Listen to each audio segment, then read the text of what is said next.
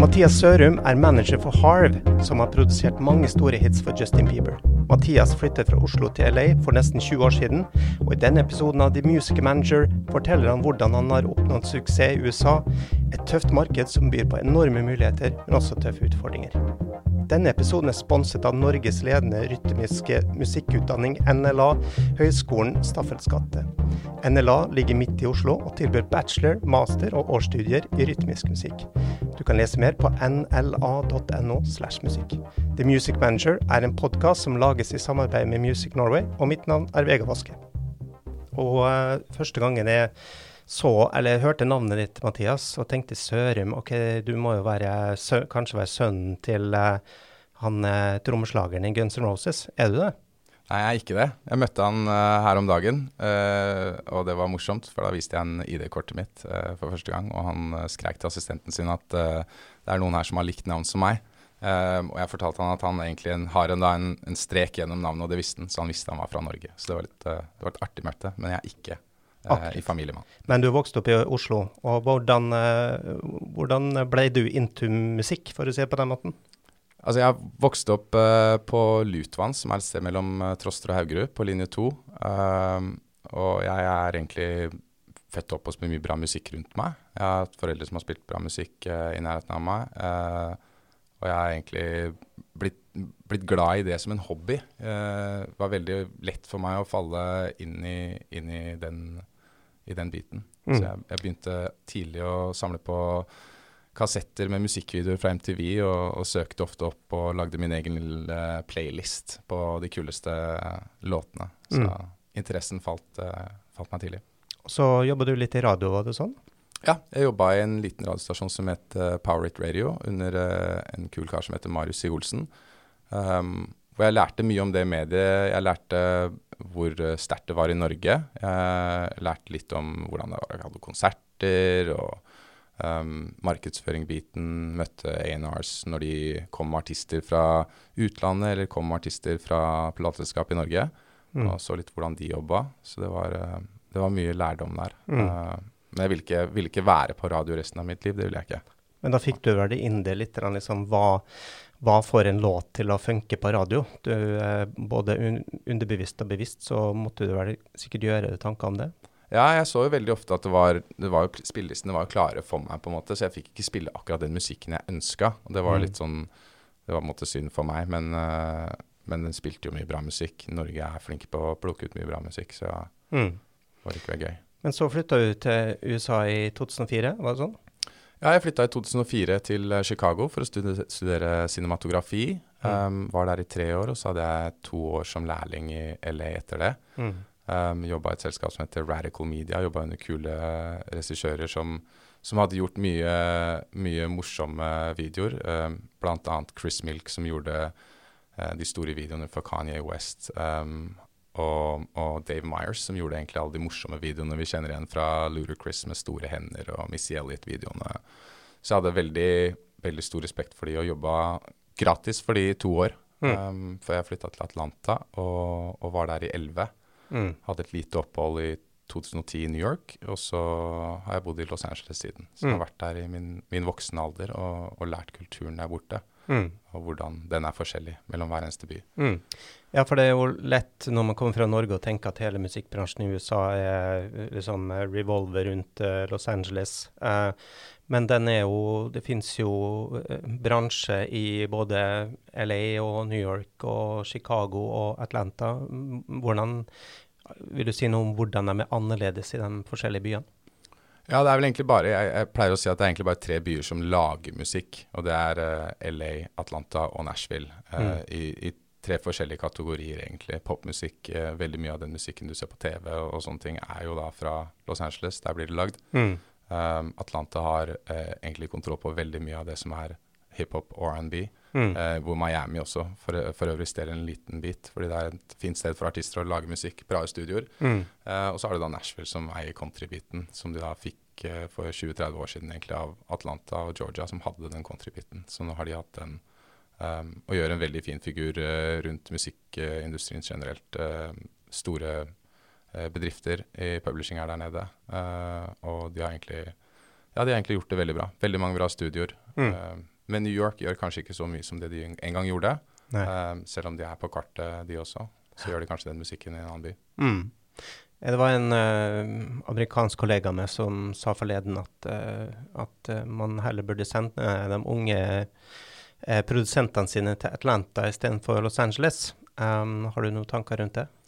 Ja, det er jeg helt enig i. Fordi i Atlanta så har du tilgang til å jobbe med mennesker som er kanskje ditt nivå litt høyere, eh, og du har tilgang til å komme inn i rom som kanskje ikke har like lett tilgang til å gjøre i byer som LA og New York. Det er en, eh, det er en større det er en større sjanse for å lykkes, men du må være veldig bevisst på hva du gjør. Du må være forsiktig i bevegelsene dine, for det er en by som er uh, litt røffere kanskje enn andre. Og så er det en by som er litt uh, lengre tilbake i tid på mange områder, som, mm. som rasisme og sånn. Jeg føler ofte at jeg drar tilbake til ja, 20-30 år tilbake i tid. Mm. Jeg har en leilighet i Atlanta ennå, så jeg elsker den byen. Jeg mm. liker den byen, men man må være litt forsiktig. Mm. Har du noen lynkurs eh, når uh, ung pro produsent uh, setter seg på bussen til Atlanta, hva, hvordan han bør oppføre seg der?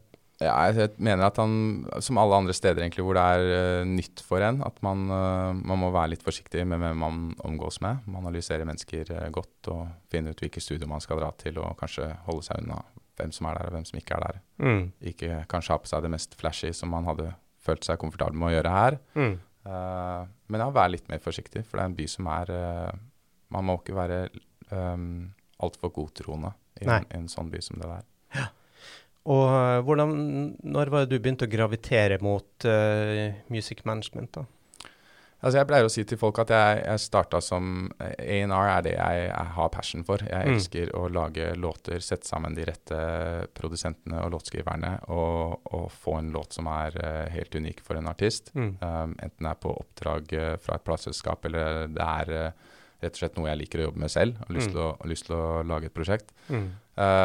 men management kommer jo via den biten at du, du jobber med sånne mennesker som du har lyst til å jobbe med eh, lang tid framover. Mm. Uh, og da gir du liksom ikke slipp på dem. Du har lyst til å være med på å styre karrieren deres. Du har lyst til å være med å, å gjøre de rette valgene så de får det til og får uh, fullt utbytte av det talentet de har og den jobben de gjør. Mm.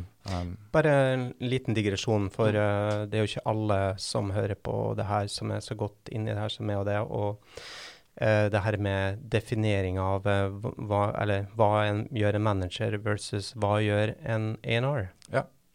Altså en A&R for meg, gamle A&R-en, det er den som sørger for at alt innen en innspilling passer den artisten. Mm. Og du finner en, den rette låta for den artisten. Mm. Uh, I tillegg til at den er med på å styre um, det visuelle, hvordan den uh, musikken blir presentert. Mm. Uh, og hvordan den artisten blir presentert. Det er viktig um, um, for ja, for salget av låten, for suksess for uh, artisten. Mm. Uh, og på management-biten så går det jo mer på det dagligdagse. Av hvordan skal du få den låtskriveren eller produsenten til å tjene penger og komme på de rette, rette prosjektene. Mm. Og være da aktiv på å søke på prosjekter um, med produsenter eller låtskriver som passer da, for mm. de personene. Mm. Så det er litt mer den admin-biten. Kanskje management er litt mer uh, kjedelig, og, og, der ender du kanskje opp i noen krangler og no, må slukke noen branner innimellom. Mm. Uh, men på A&R-biten så er det egentlig bare kos. Det er jo gøy. Det er mm. kreativt. Ja, det er jo uh, ofte veldig mange forskjellige måter å gjøre music management på, og uh, hvordan man Både i forhold til hvilken sjanger man jobber med, men også i forhold til hvilken tilnærming man har. Jeg hadde møte med noen forleden som så på at en music manager i utgangspunktet hadde mer med liksom brand uh, å bygge brand og sånn. Um, og jeg for min del føler at det er både og. At du liksom Eller sånn ser jeg på min rolle, da. Altså at du både skal være organisator og uh, hva skal jeg si uh, daglig leder samtidig, og motivator samtidig, sam, samtidig være A&R, liksom. Mm. Um, og mitt inntrykk er jo at hos mange det er en klassisk A&R hos en label uh, back in the day gjorde det du sier mm. at burde være jobben til en einar, da. Mens i de siste årene så har A&R-ene i mange tilfeller mest blitt liksom product managers, mm. altså som på en måte koordinerer uh, hva som skal utgis uh, og hvorfor, mm. istedenfor å på en måte Eh, liksom jobbe med musikken som hva skal jeg si, de gamle, klassiske A&R-ene gjør. da. Mm. Hva, hva, tenker du? Jeg tror, er, jeg tror, det er, veldig sant det du sier, og så tror jeg at det er um det er forskjellige A&Rs i plateselskaper og forskjellige A&Rs i, i, markedet generelt. Jeg tror mm. um, de som Jeg fikk et eksempel, uh, uten å nevne navn, så fikk jeg et eksempel av en, en person som har vært uh, jobba i et uh, plateselskap i ti år. Mm. Um, og før og nå da etter de ti årene så jobba hun i publishingselskap. Mm. Og hun sa til meg at det er veldig vanskelig for henne å sitte i et plateselskap um, rundt et bord um, hvor det sitter mennesker som er da fra markedsføringsbiten uh, av A&R, som da de mm. heter jo A&Rs, mm. uh, men da fokuserer veldig mye på markedsføring av låta. Og mm. da når låtene blir spilt rundt det runde bord, da, um, så er hele rommet veldig opptatt av hva, hva markedsføringsfolka sier. Yeah. Så de sitter egentlig rett etter låta har blitt spilt og ser på markedsføring, mm. istedenfor å da sitte og se på de som faktisk har peiling på musikk. Mm. Uh, og skjønner da at uh, Og, du, du, ser da i det store bildet at sant, hvis det er en, um, en fengende låt som kanskje ikke er, uh, over, har over lang tid en stor verdi, men kan tjene og, og få litt uh, markedsfutt uh, fordi den har en plystring i seg eller et eller annet som er lett å gjenkjenne, så blir ofte de låtene valgt som singler. Mm. Um, og det ser jeg på store prosjekter jeg er med på, og jeg hører hele prosjektet. Mm. Uh, og er skråsikker på at dette her blir én, to og tre singlene, og så plutselig så dukker det opp en eller annen ja, en, eller annen ikke veldig bra låt um, som har da stor markedsverdi, uh, mm. markedsføringsverdi, eller gjør det lett for markedsavdelingen mm. til å se ut som de gjør en god jobb. Ja. Og det var veldig vanskelig for henne å se, og da, da slutta henne rett og slett. Hun mm. følte at publishing-biten har mer uh, fokus på akkurat det med om låta er bra eller ikke. Mm. Jeg snakka for ja, her, et par år siden med en uh, hos, en, en, uh, hos et uh, musikkforlag, publishing-selskap. Og hun sa det at uh, hun, når hun begynte jobben, så fikk hun beskjed om å signe 20 klienter. Og da kan man jo gjøre seg tanker om hvordan er det mulig å gjøre en god, mm. bra jobb som A&R for 20 låtskrivere. Mm.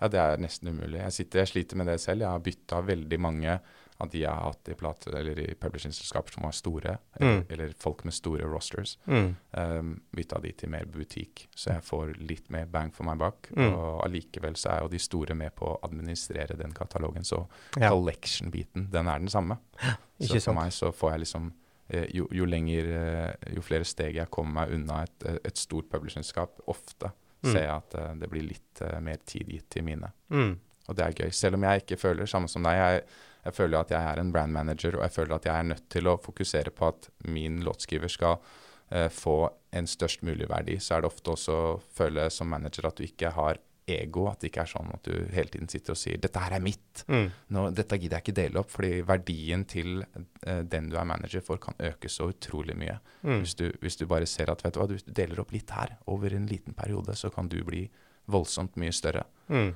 Um, så skriver du kontrakter som på en måte som på en måte setter deg opp til å være veldig sterk i, uh, i businessen om tre til fire til fem år, istedenfor at du bare prøver å, å, få det til i løpet av natta. Mm. Det er vanskelig. Ja.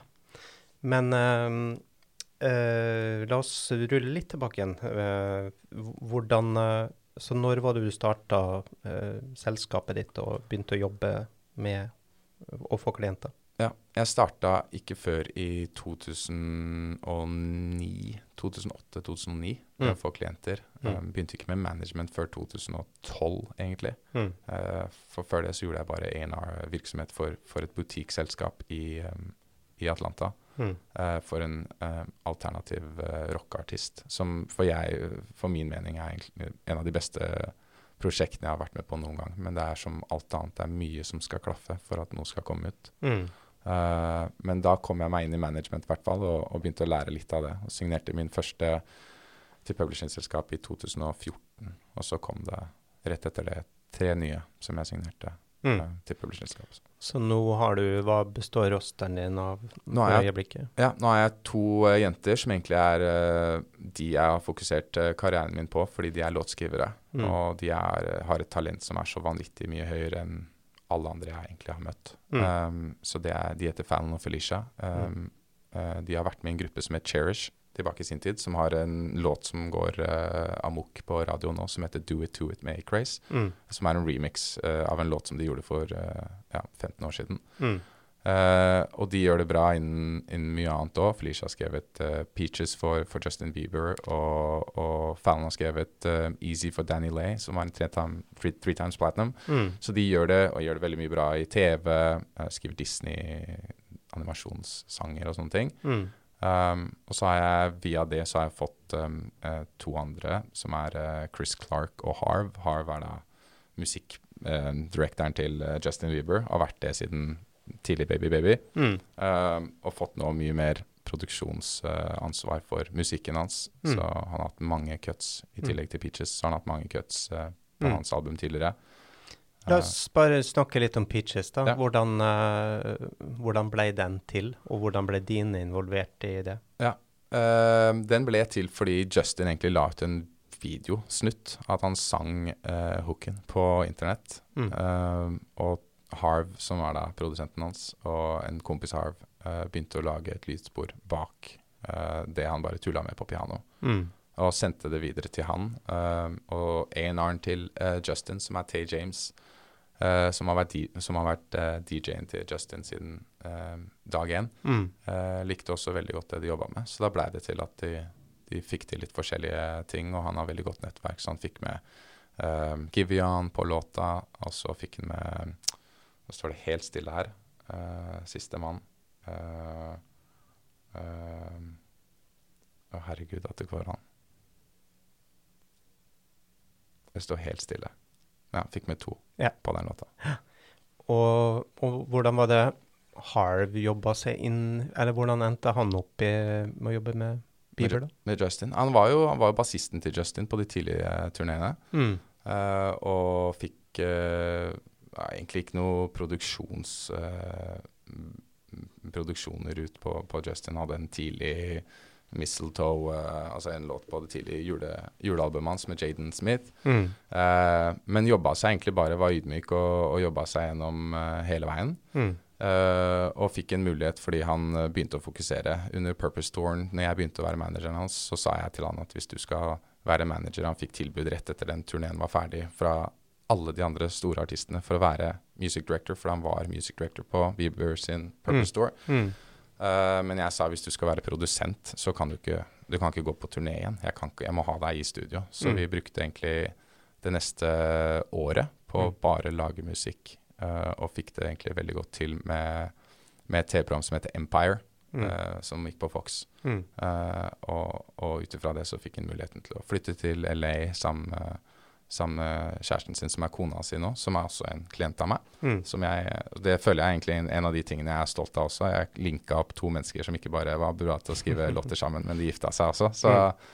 så jeg er heldig som har uh, de uh, på rosteren min. Mm. Uh, de er kule. Mm. De er kule. Um, for utenforstående så kan man jo tenke kanskje at ja, når Justin Bieber lager et album, så går han i studio og lager ti låter. Uh, kanskje sammen med noen andre. Mm. Er det liksom en uh, Er det riktig at det foregår på den måten? Ja, det er mye Vet du hva som er mye kult? Det er, det er, for det første så tror jeg aldri at verden egentlig får se hvor kul og kreativ Justin er, selv om det er mange dokumentarer rundt det, og hvor, talent, hvor stort talent det er, ikke bare på musikk. Du kan gi han en ny ting, og han lærer det så fort at det er latterlig. Han, sånn, han er en av de du vokste opp med som, bare, som lærer ting lett. Mm. Uh, og en av de største styrkene hans, som jeg tror egentlig mange også kan se på andre artister, er at Justin han, uh, han veit å velge de riktige, uh, riktige låtene. Han har Mm. peiling på musikk. Mm. Han veit forskjellen på en OK låt og en dritbra låt. Mm. Og der har han alltid fått mye makt fra både Alison og, og Scooter, som er management. Mm. Um, de har aldri egentlig, aldri egentlig tråkka på den kreative biten rundt han, og det er, har Altså det er veldig veldig drevet av han sjøl? Ja, det er Mm. veldig sunt. Så Mm. når han går inn i studio, så styrer han um, alle som skal være med. Mm. Han får selvfølgelig tilsendt masse låter også, Mm. som, han, eh, som de vurderer seriøst. Mm. Uh, men det, det kommer via Det kommer via mennesker han stoler på innen musikk. Mm. Si at du er norsk låtskriver, da, og du har lagd en kjempebra låt som du eh, tenker at den her er perfekt for Justin Bieber. Mm. Eh, hvordan eh, finner du man da eh, Du Kanskje litt vanskelig å sende til han på SoundCloud, men Mm. eh, si at du har et, et musikkforlag for eksempel, da, som har eh, også kontor i USA har connections. Mm. Hvordan eh, Er det sannsynlig at eh, den eh, låten ender opp på Justin Bieber sitt album, eller hvordan vil prosessen være? Nei, det er det ikke. Så, så, når det gjelder å sende musikk via publishingselskap eller plateselskap, så, så er ikke det en Der har jeg en 99,99 ,99 ikke-suksess. Mm. Um, og, og det er litt farlig noen ganger også å sende musikk som, som er veldig bra, hvis du sparer opp en låt som er bare 'denne her må Justin ha'. Mm. uh, så er det litt farlig også å sende den musikken uh, sånn. Jeg liker å spille musikk for folk, og så tror jeg også det er veldig lett uh, Eller ikke lett, men jeg tror det er mye lettere å komme inn via noen som er i en yttersirkel, Mm. sirkel som de stoler på. Mm. Så for meg så var det en strategi som jeg og Harv planla lett. Vi sa hvis vi skal komme inn, så må vi være i nærheten av mennesker som Mm. han stoler på når det gjelder låtskriving. Og jeg signerte Harv til Pooh Bear i tre år, Mm. som da skrev veldig mye av de store låtene som var på Purpose-albumet. Mm. Så det var strategisk. Det var, eh, det var for, å, for å få han inn i en sirkel som viste at eh, han kan gjøre produksjon på Mm. låter som har en, har en låtskriver som Justin stoler på. Mm. Så ikke nødvendigvis uh, Og det er innersirkel. Mm. Pooh Bray er innersirkelen til, uh, til eh, Justin. Mm. Og grunnen til at Harv kom inn der, fordi de, var, de kjente hverandre fra før av. De Mm. hadde kjent hverandre i ti år. Mm. Men jeg tror at uh, mennesker som er rundt Justin, som han stoler på, er nok letteste måten å komme inn, uten at det er labels og management. Mm. Hadde et møte her nå forleden med en, en label der de Altså en major label der jeg merka at hvordan uh, majorene eh, Hva skal jeg si Approach eh, hvordan man bygges opp nå, har endra seg. At Mm. eh, det å eh, bare signe 100 artister og regne med at fem av dem skal gå bra, den tida er litt forbi, og at de må på en måte investere langsiktig da, og ta større risiko for, for øvrig. Um, og de sa liksom at uh, um, Nå har jeg også tenkt sjøl at uh, ja, nå så kommer man uh, et lite stykke med bra musikk, og så er det eh, veldig mange andre faktorer som uh, på en måte må sette i, settes i spill for at man skal oppnå suksess. da. Um, hva tenker du rundt det? Jeg tenker jo igjen at det handler om at du kommer inn på et, på et jeg, Når folk sender meg musikk, da, så, Mm. så er det jo Jeg er sånn jeg er bevisst på at nå skal jeg høre på all musikk. Jeg har gjort det siden jeg var siden 10-15 år siden. At jeg, Mm. Hvis noen sender meg musikk, skal jeg høre på det. Mm. Eh, men det er veldig vanskelig, for det handler om tid. ikke sant? Hvor mye tid du får til å høre på musikk. Mm. Så det handler om at den personen du jobber med, er stolt på av en eller annen på teamet. Mm. Jeg jobba uh, f.eks. Ta, ta, ta Danny Lay, som, signert, uh, som er signert hos Def Jam. Um, jeg jobba med Danny Lay før um, henne egentlig fikk et navn der ute. Vi hadde sikkert 15-20 sessions både i Atlanta og Chicago under Lollapalooza og LA, og, som bygde opp på en måte den, den stilen henne skulle ha. Mm. Og så slapp hun litt sånn EP-er og litt sånn singler her og der. Mm. Uh, men når, når vi da gjorde en låt som jeg visste Og jeg, jeg sa lenge til A&R-en i, til Def, i Def, Def Jam, han het Tu Clark. Jeg sa lenge til han at du må bare sette inn Chris Clark og, og Fallon King i studio, så får du den låta du vil ha. Det visste jeg. Det var ikke noe, det var ikke noe cocky fordi de var manage, jeg var manageren deres eller noe. Jeg visste at det tenkte de. Mm. Uh, og når vi gjorde den låta Easy, så visste jeg også igjen at av alle låtene, for da var det mange låter som var spilt for meg allerede, av alle låtene så var det den bedre låta. Mm. Eh, men du får ikke gjennomslag selv om du har hatt suksess tidligere, eller, du ha, eller jeg hadde suksess i dette tilfellet her, så får ikke jeg noe større gjennomslag hos plateselskapet, eller sånn, de hører ikke på meg noe spesielt mer. Mm. For det handler veldig ofte om eh, relasjoner som kanskje A&R-en er manager for en produsent Mm. som også har lyst til å lande på det albumet. Mm. Og da er det litt politikk inni det. Da er det dessverre litt sånn hvem du kjenner, og, og, og hvor godt du klarer å sende den låten, selge den låta. Mm. Uh, og for meg så går det ofte på at jeg sier, ikke sant den, Altså Enten så gir du den låta fokus, eller så trekker jeg den låta og gir den til noen andre. Mm. Bruker det som en sånn liten maktbrikke noen ganger. Og Mm. sier at dette her er en for god låt for den artisten, så hvis dere ikke bruker de pengene jeg mener den låta fortjener, Mm. eh, så får du, ikke, får du ikke det gjennomslaget, og da er den låta død. Og da blir mine produsenter og låtskrivere litt gretne, og gidder Mm. ikke jobbe med dine igjen. Nei, sant. Eh, så det er jo litt sånn, noen ganger så må du, må du bruke den biten òg. Mm. Og så sier jeg ofte det er veldig lett, mye lettere for meg å få det gjennomslaget fordi jeg er i LA. Og ofte så har de lyst til å dukke opp på en eller annen fest, eller, eller er på en eller annen fest hvor jeg også dukker opp. Mm. Uh, og der, uh, der, er det litt viktig noen ganger å ha gjort en bra jobb og kanskje ha et godt uh, rykte. Fordi mm. du, du, ser så mange mennesker hele tiden som du på en måte ja, hva gjorde du i forrige uke når jeg sendte deg en låt og hørte på den låta? Hvis du ikke har hørt på den låta, så blir jeg litt sånn ah, da gidder ikke jeg sende deg noe mer. Eller skjønner du hva jeg mener? Det er, mm. det er, litt mer den Du får, uh, får, på en måte inntrykk at du, du, kan stille de litt opp til veggen noen ganger. Det er litt mm. gøy. Mm. Uh, jeg har ikke sett den Kanye West-dokumentaren ennå på Netflix, men uh, det så jeg her på Insta at du hadde gjort, og du, fortalt, nei, og du kommenterte det litt. At 95% of people you play a smash for won't notice. Um, og uh, ja, hvordan uh, hva, hva, tenker du med det? Ja, altså I den dokumentaren så, så jeg med en gang at det var De spiller jo låter som er hits, eh, enten det var tilbake i den tiden eller nå. Det er låter som er utrolig sterke. Og det er én mm. ting jeg alltid følte at jeg var jeg Et talent som, som, jeg følte at jeg hadde siden jeg var liten, var uh, å spotte om en låt ikke bare var dårlig eller bra, men mm. om den var bra, altså om den var god eller dritgod, mm. uh, for å si det sånn. Og mm. det, jeg spiller ikke noen noe instrumenter, og jeg kan ikke synge. Uh, men akkurat den biten den har jeg forstått, så jeg hører det veldig lett og er utrolig breial når det gjelder uh, musikk på den biten. Fordi jeg, jeg føler at Uh, hvis jeg kommer inn og spiller en, en, låt som er dårlig, så blir jeg dømt for det. Mm. Uh, og jeg får ikke den sjansen igjen. Og hver gang jeg har spilt en bra låt for noen, uh, så har jeg sett de menneskene gang på gang. Det handler ikke om Mennesker sier, mennesker sier at musikk er subjektivt, mm. og det er, kan jeg godt være enig i hvis det treffer deg på en setning eller to. Mm. Men når det gjelder en hitlåt, så er det en oppskrift der som er en blanding av melodi, cadence, konsept mm. og, og, evnen til å fremføre.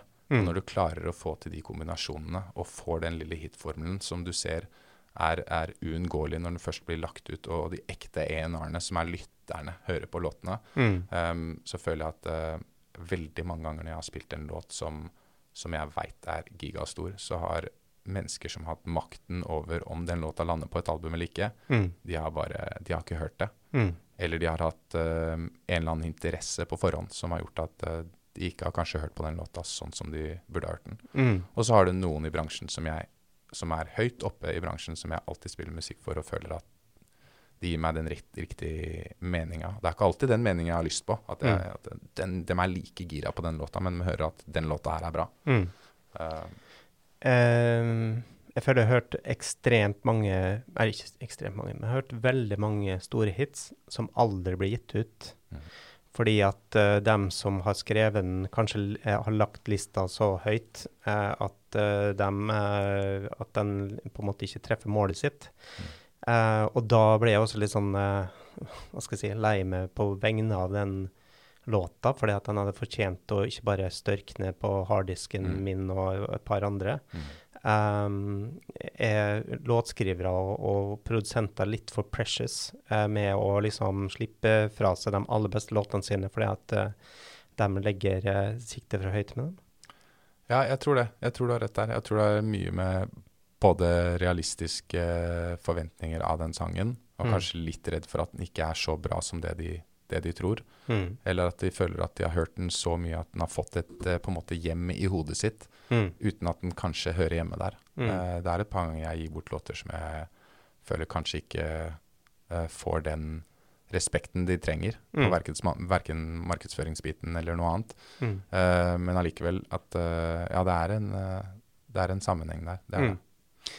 Jeg var også tilbake til det du sa i stad. Jeg er veldig enig i at det noen låter som rett og slett er universelle hits. Mm. Samtidig som jeg de siste årene føler jeg at jeg hører ting som blir veldig svært, som ikke er hits. Mm. Eh, der de enten er drevet av eh, hva skal jeg si eh, artister som har vind i ryggen, der alle har bestemt seg for at han eller hun elsker vi, de skal lykkes. Mm. Og så blir det på en måte en hit uh, pga. den forcen. da. Mm. hva tenker du? Jeg tror det er mye markedsførings Altså, sosiale medier kan ta en låt helt til, uh, helt til et nivå som, som, ikke har blitt gjort før. Og da også spesielt fordi det er uh, ja, for det er noen, noen, elementer rundt det som passer inn, da, som dans eller, eller sånne ting. Mm. Uh, jeg føler jo det, det hører inn i en kategori som er liksom musikk som er for vår tid akkurat nå. Som mm. hører hjemme i kanskje en, en, periode innen fem år. ikke sant? Mm. Og det tror, jeg, det tror, jeg, musikken trenger for at vi skal vokse videre i andre områder. Mm. Um, så tror jeg også kanskje det blir litt lite musikk uh, som er uh, produsert som er bare veldig gjennomført fra starten. da. Altså, du, mm. som du nevnte tidligere, at det liksom blir et plateselskap som tar en artist inn på en måte varmer den artisten helt opp til hvordan den artisten skal se ut. Bruker tid på å lage riktig musikk. Mm. Bruker tid på riktig eh, folk. Jeg, jeg, jeg syns det er trist å høre at artister uh, må gå inn og ut av sessions uh, og, og, møte noen om morgenen og skrive en låt uh, eh, i løpet av en dag, og møte et nytt team dagen etterpå og skrive en låt den dagen. Det blir liksom det blir litt lite fokus på kanskje det som er ekte, og mm. det som faktisk ville fått fram en bra, bra låt. da. Mm. Uh, og, og, der handler det om å ha bra team rundt seg, bra management, bra A&Rs, som faktisk skjønner at det ikke, dette her handler ikke om fluff og hva vi selger og hva vi kan tjene. Mm. Det her handler om uh, langtidsperspektiv. Av, klarer du å tjene penger på denne musikken når du pensjonerer deg? Mm. Klarer denne musikken å bli uh, remixa om 10-15 år fordi den er så bra? Mm. Og det er der jeg skyter alle skuddene mine. Jeg, jeg har alle albumene jeg har vært med på, mm. har én uh, låt Hvis jeg har, er med på albumet, så er den låta jeg har med på albumet, en av de største. Mm. Og, det, og, det, fokuserer vi på. Det er ikke flaks. Det, det er sånne ting vi fokuserer på. Men um, eh, det føles litt sånn, og nå er jeg skikkelig på tynn is eller kaster meg på dypt vann, eller hva man skal mm. si, men at uh, ting er veldig sånn TikTok-drevet akkurat nå, i begynnelsen av mars 2022. Um, og jeg får litt sånn inntrykk av at uh, dem som på en måte blow up nå, har et team da, som har hacka TikTok og veit hvordan man skal spille det. Mm. Er jeg på dypt vann her, eller hva? Nei, der tror jeg du har helt rett. Altså når, når, når plateselskapene begynte å lage digitale markedsføringsavdelinger som bare fokuserte på akkurat det med, med sosiale medier, og da TikTok mm. spesielt, som er et promotool for, for musikk eller for, for short uh, format uh, markering, mm. Mm. Uh, så tror jeg at du har helt rett. At mye som blir styrt derfra. Mm. men jeg tror ikke det er en Jeg tror ikke det på samme måte som death metal uh, i alle år uh, ikke trenger markedsføring, på en måte, så tror jeg at det har vært en veldig stor uh, fokus på det i det siste, å ha en låt som kan gjøre det bra på TikTok. Mm. Men det er allikevel masse markeder hvor det ikke er noe dømmende faktor. Hvor, hvor, låter kan komme opp gjennom Det ser du på Khalid sin Location, som nylig ble ti ganger platinum. Mm. Ble, var, den var stille i to år mm. når den ble sluppet. Mm. Så jeg tror allikevel, tror allikevel at det er en mm. Jeg tror ingen skal være redde for å slippe dritbra musikk og tro at det er et tre som faller i skogen, ingen hører det. Nei. men jeg tror du skal bevisst vite at hvis du slipper en veldig bra låt, så må du ha med deg et team. Hvis ikke så er det noen andre som har et team rundt seg, mm. som uh, promoterer en halvbra låt uh, mye bedre enn deg, og stjeler de uh, lytterørene. Mm. Og så er kanskje det, altså Med norske øyne så er det lett å undervurdere hvor, vi, eh, hvor viktig tekst er i USA. Ja, det er, vet du hva, det er morsomt at du sier, for det har jeg sagt til. Nå har det kommet uh, mange låtskrivere uh, i, uh, til LA og, fra Norge, og mange av de har jeg sittet og snakka med, og det syns jeg er utrolig gøy. For det første fordi de bryr seg om hvordan de faktisk skal få det til, istedenfor å tro at det bare er en, på en måte en drøm. At så fort du har kommet deg dit, så er du på en måte halvveien. Mm. Men å sitte da og fortelle de at du må vite litt om lingo. Du må vite at ting går ikke an å bare oversette direkte. Du må vite at uh, det å høres uh, god ut på, på, uttalen din, det er mm. viktig. Og mm. levering og også enkelte ting amerikanere bare ikke sier. Som jeg hører ofte i norsk musikk, hvor jeg tenker OK, det funker, jeg hører det, men, det, men, du, men der er du langt tilbake, eller det, det setter deg ti år tilbake fordi du sa ting på den måten, eller brukte mm. den type melodi. Mm. For der må du være Der må du ha pulsen på hva som skjer i LA, altså. Ja. Nå har du snart eh, bodd i USA i 20 år, mm. og uh, hvordan eh, ser du på forskjellen på Hva skal jeg si hvordan å jobbe seg opp i Nå er det vel kanskje så lenge siden du bodde i Norge at det er vanskelig å si hvordan man skal komme seg opp og frem i Norge versus i USA. Hvilken tilnærming eh, bør noen som skal inn i det markedet, der, eh, hva bør man tenke på?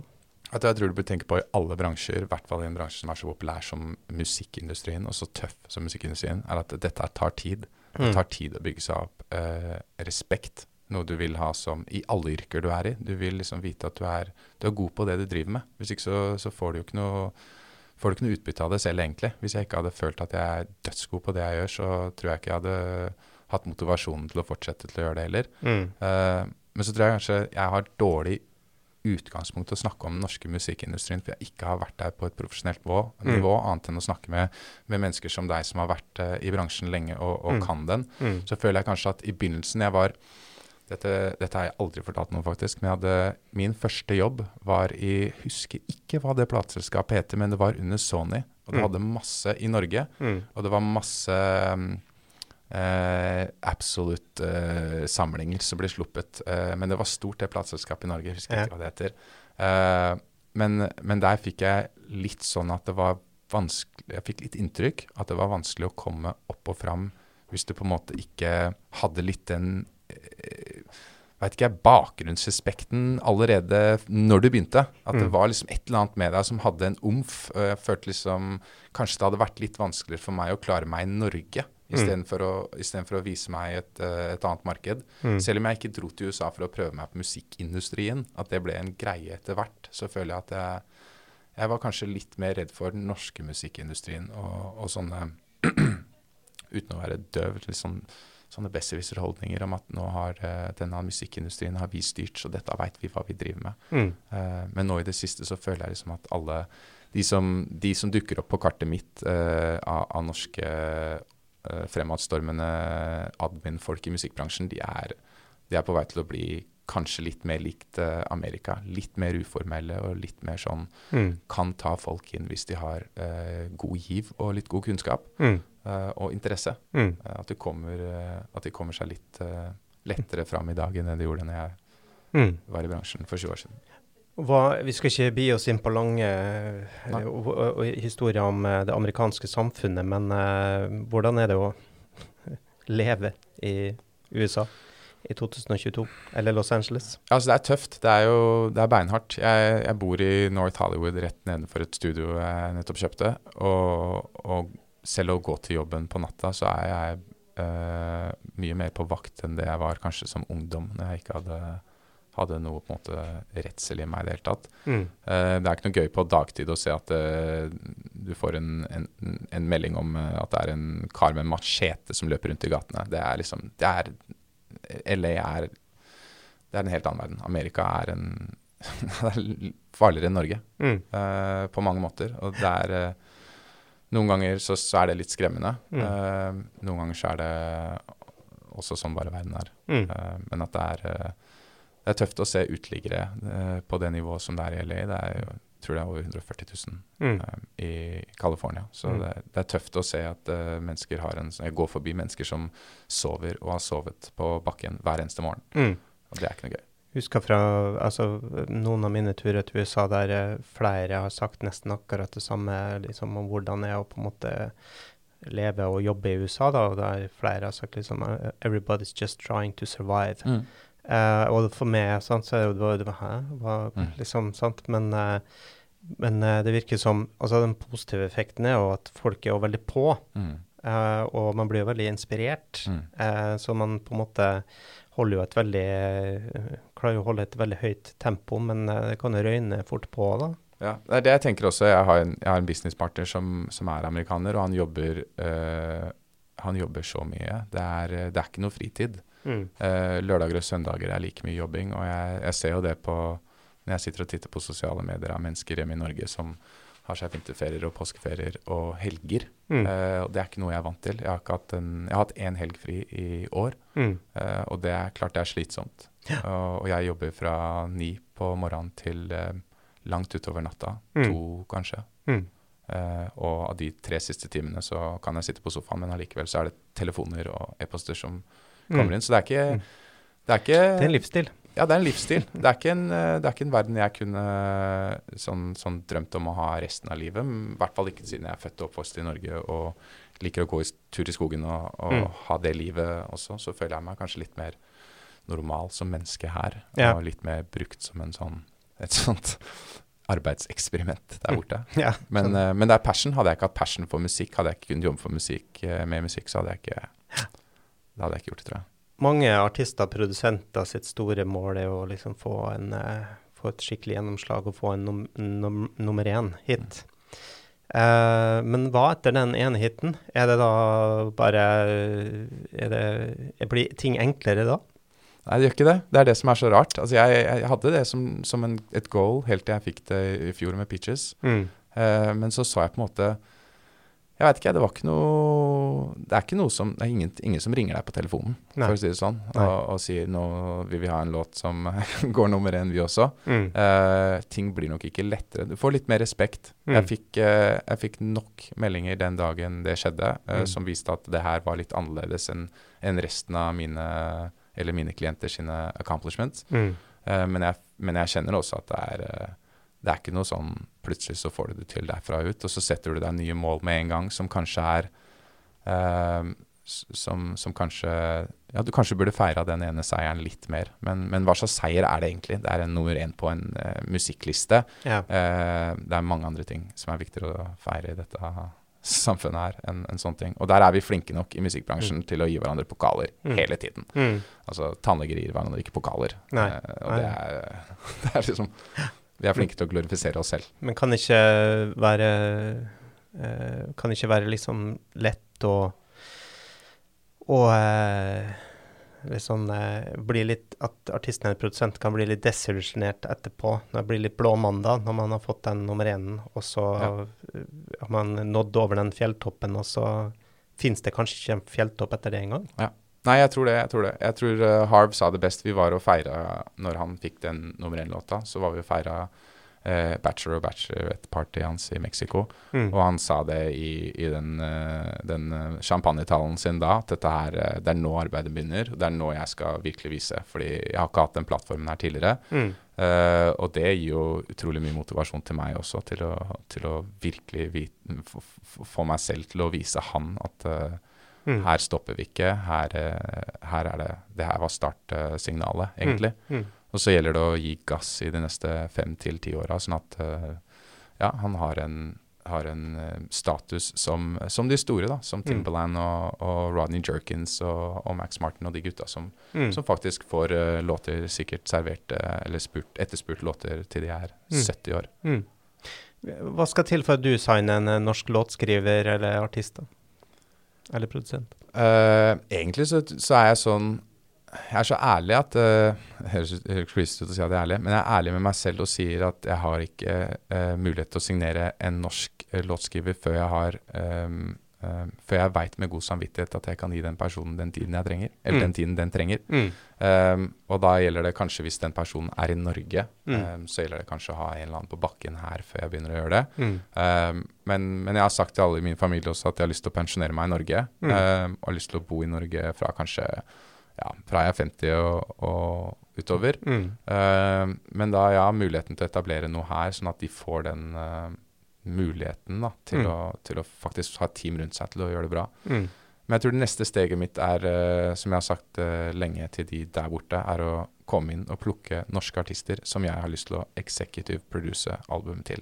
Mm. Og da er, det, da er jeg ute etter større artister. Uh, og da legge det opp for plateselskaper som at uh, jeg kommer inn som en partner, mm. uh, istedenfor at de bruker flere millioner kroner på å kjøpe låter av mennesker jeg er uh, manager for, eller mm. uh, mennesker jeg har tilgang til. Mm. Så får jeg en prosentandel av masteren på den albumet, og så mm. deler jeg ut prosentandeler av masteren til de låtskriverne og produsentene mm. som jeg skal ha med. Fordi der er den største feilen i bransjen i dag. Det er at uh, plateselskapet sitter med 80% av de inntektene som faktisk betyr noe. Mm. Hvis jeg har en låt som gjør det dritbra mm. uh, på radio, så tjener mine uh, låtskrivere mye penger. Mm. Men hvis jeg har en låt som gjør det dritbra på strømmetjenester bare, så tjener kanskje ikke de så mye penger, og den masterbiten er så mye verdt.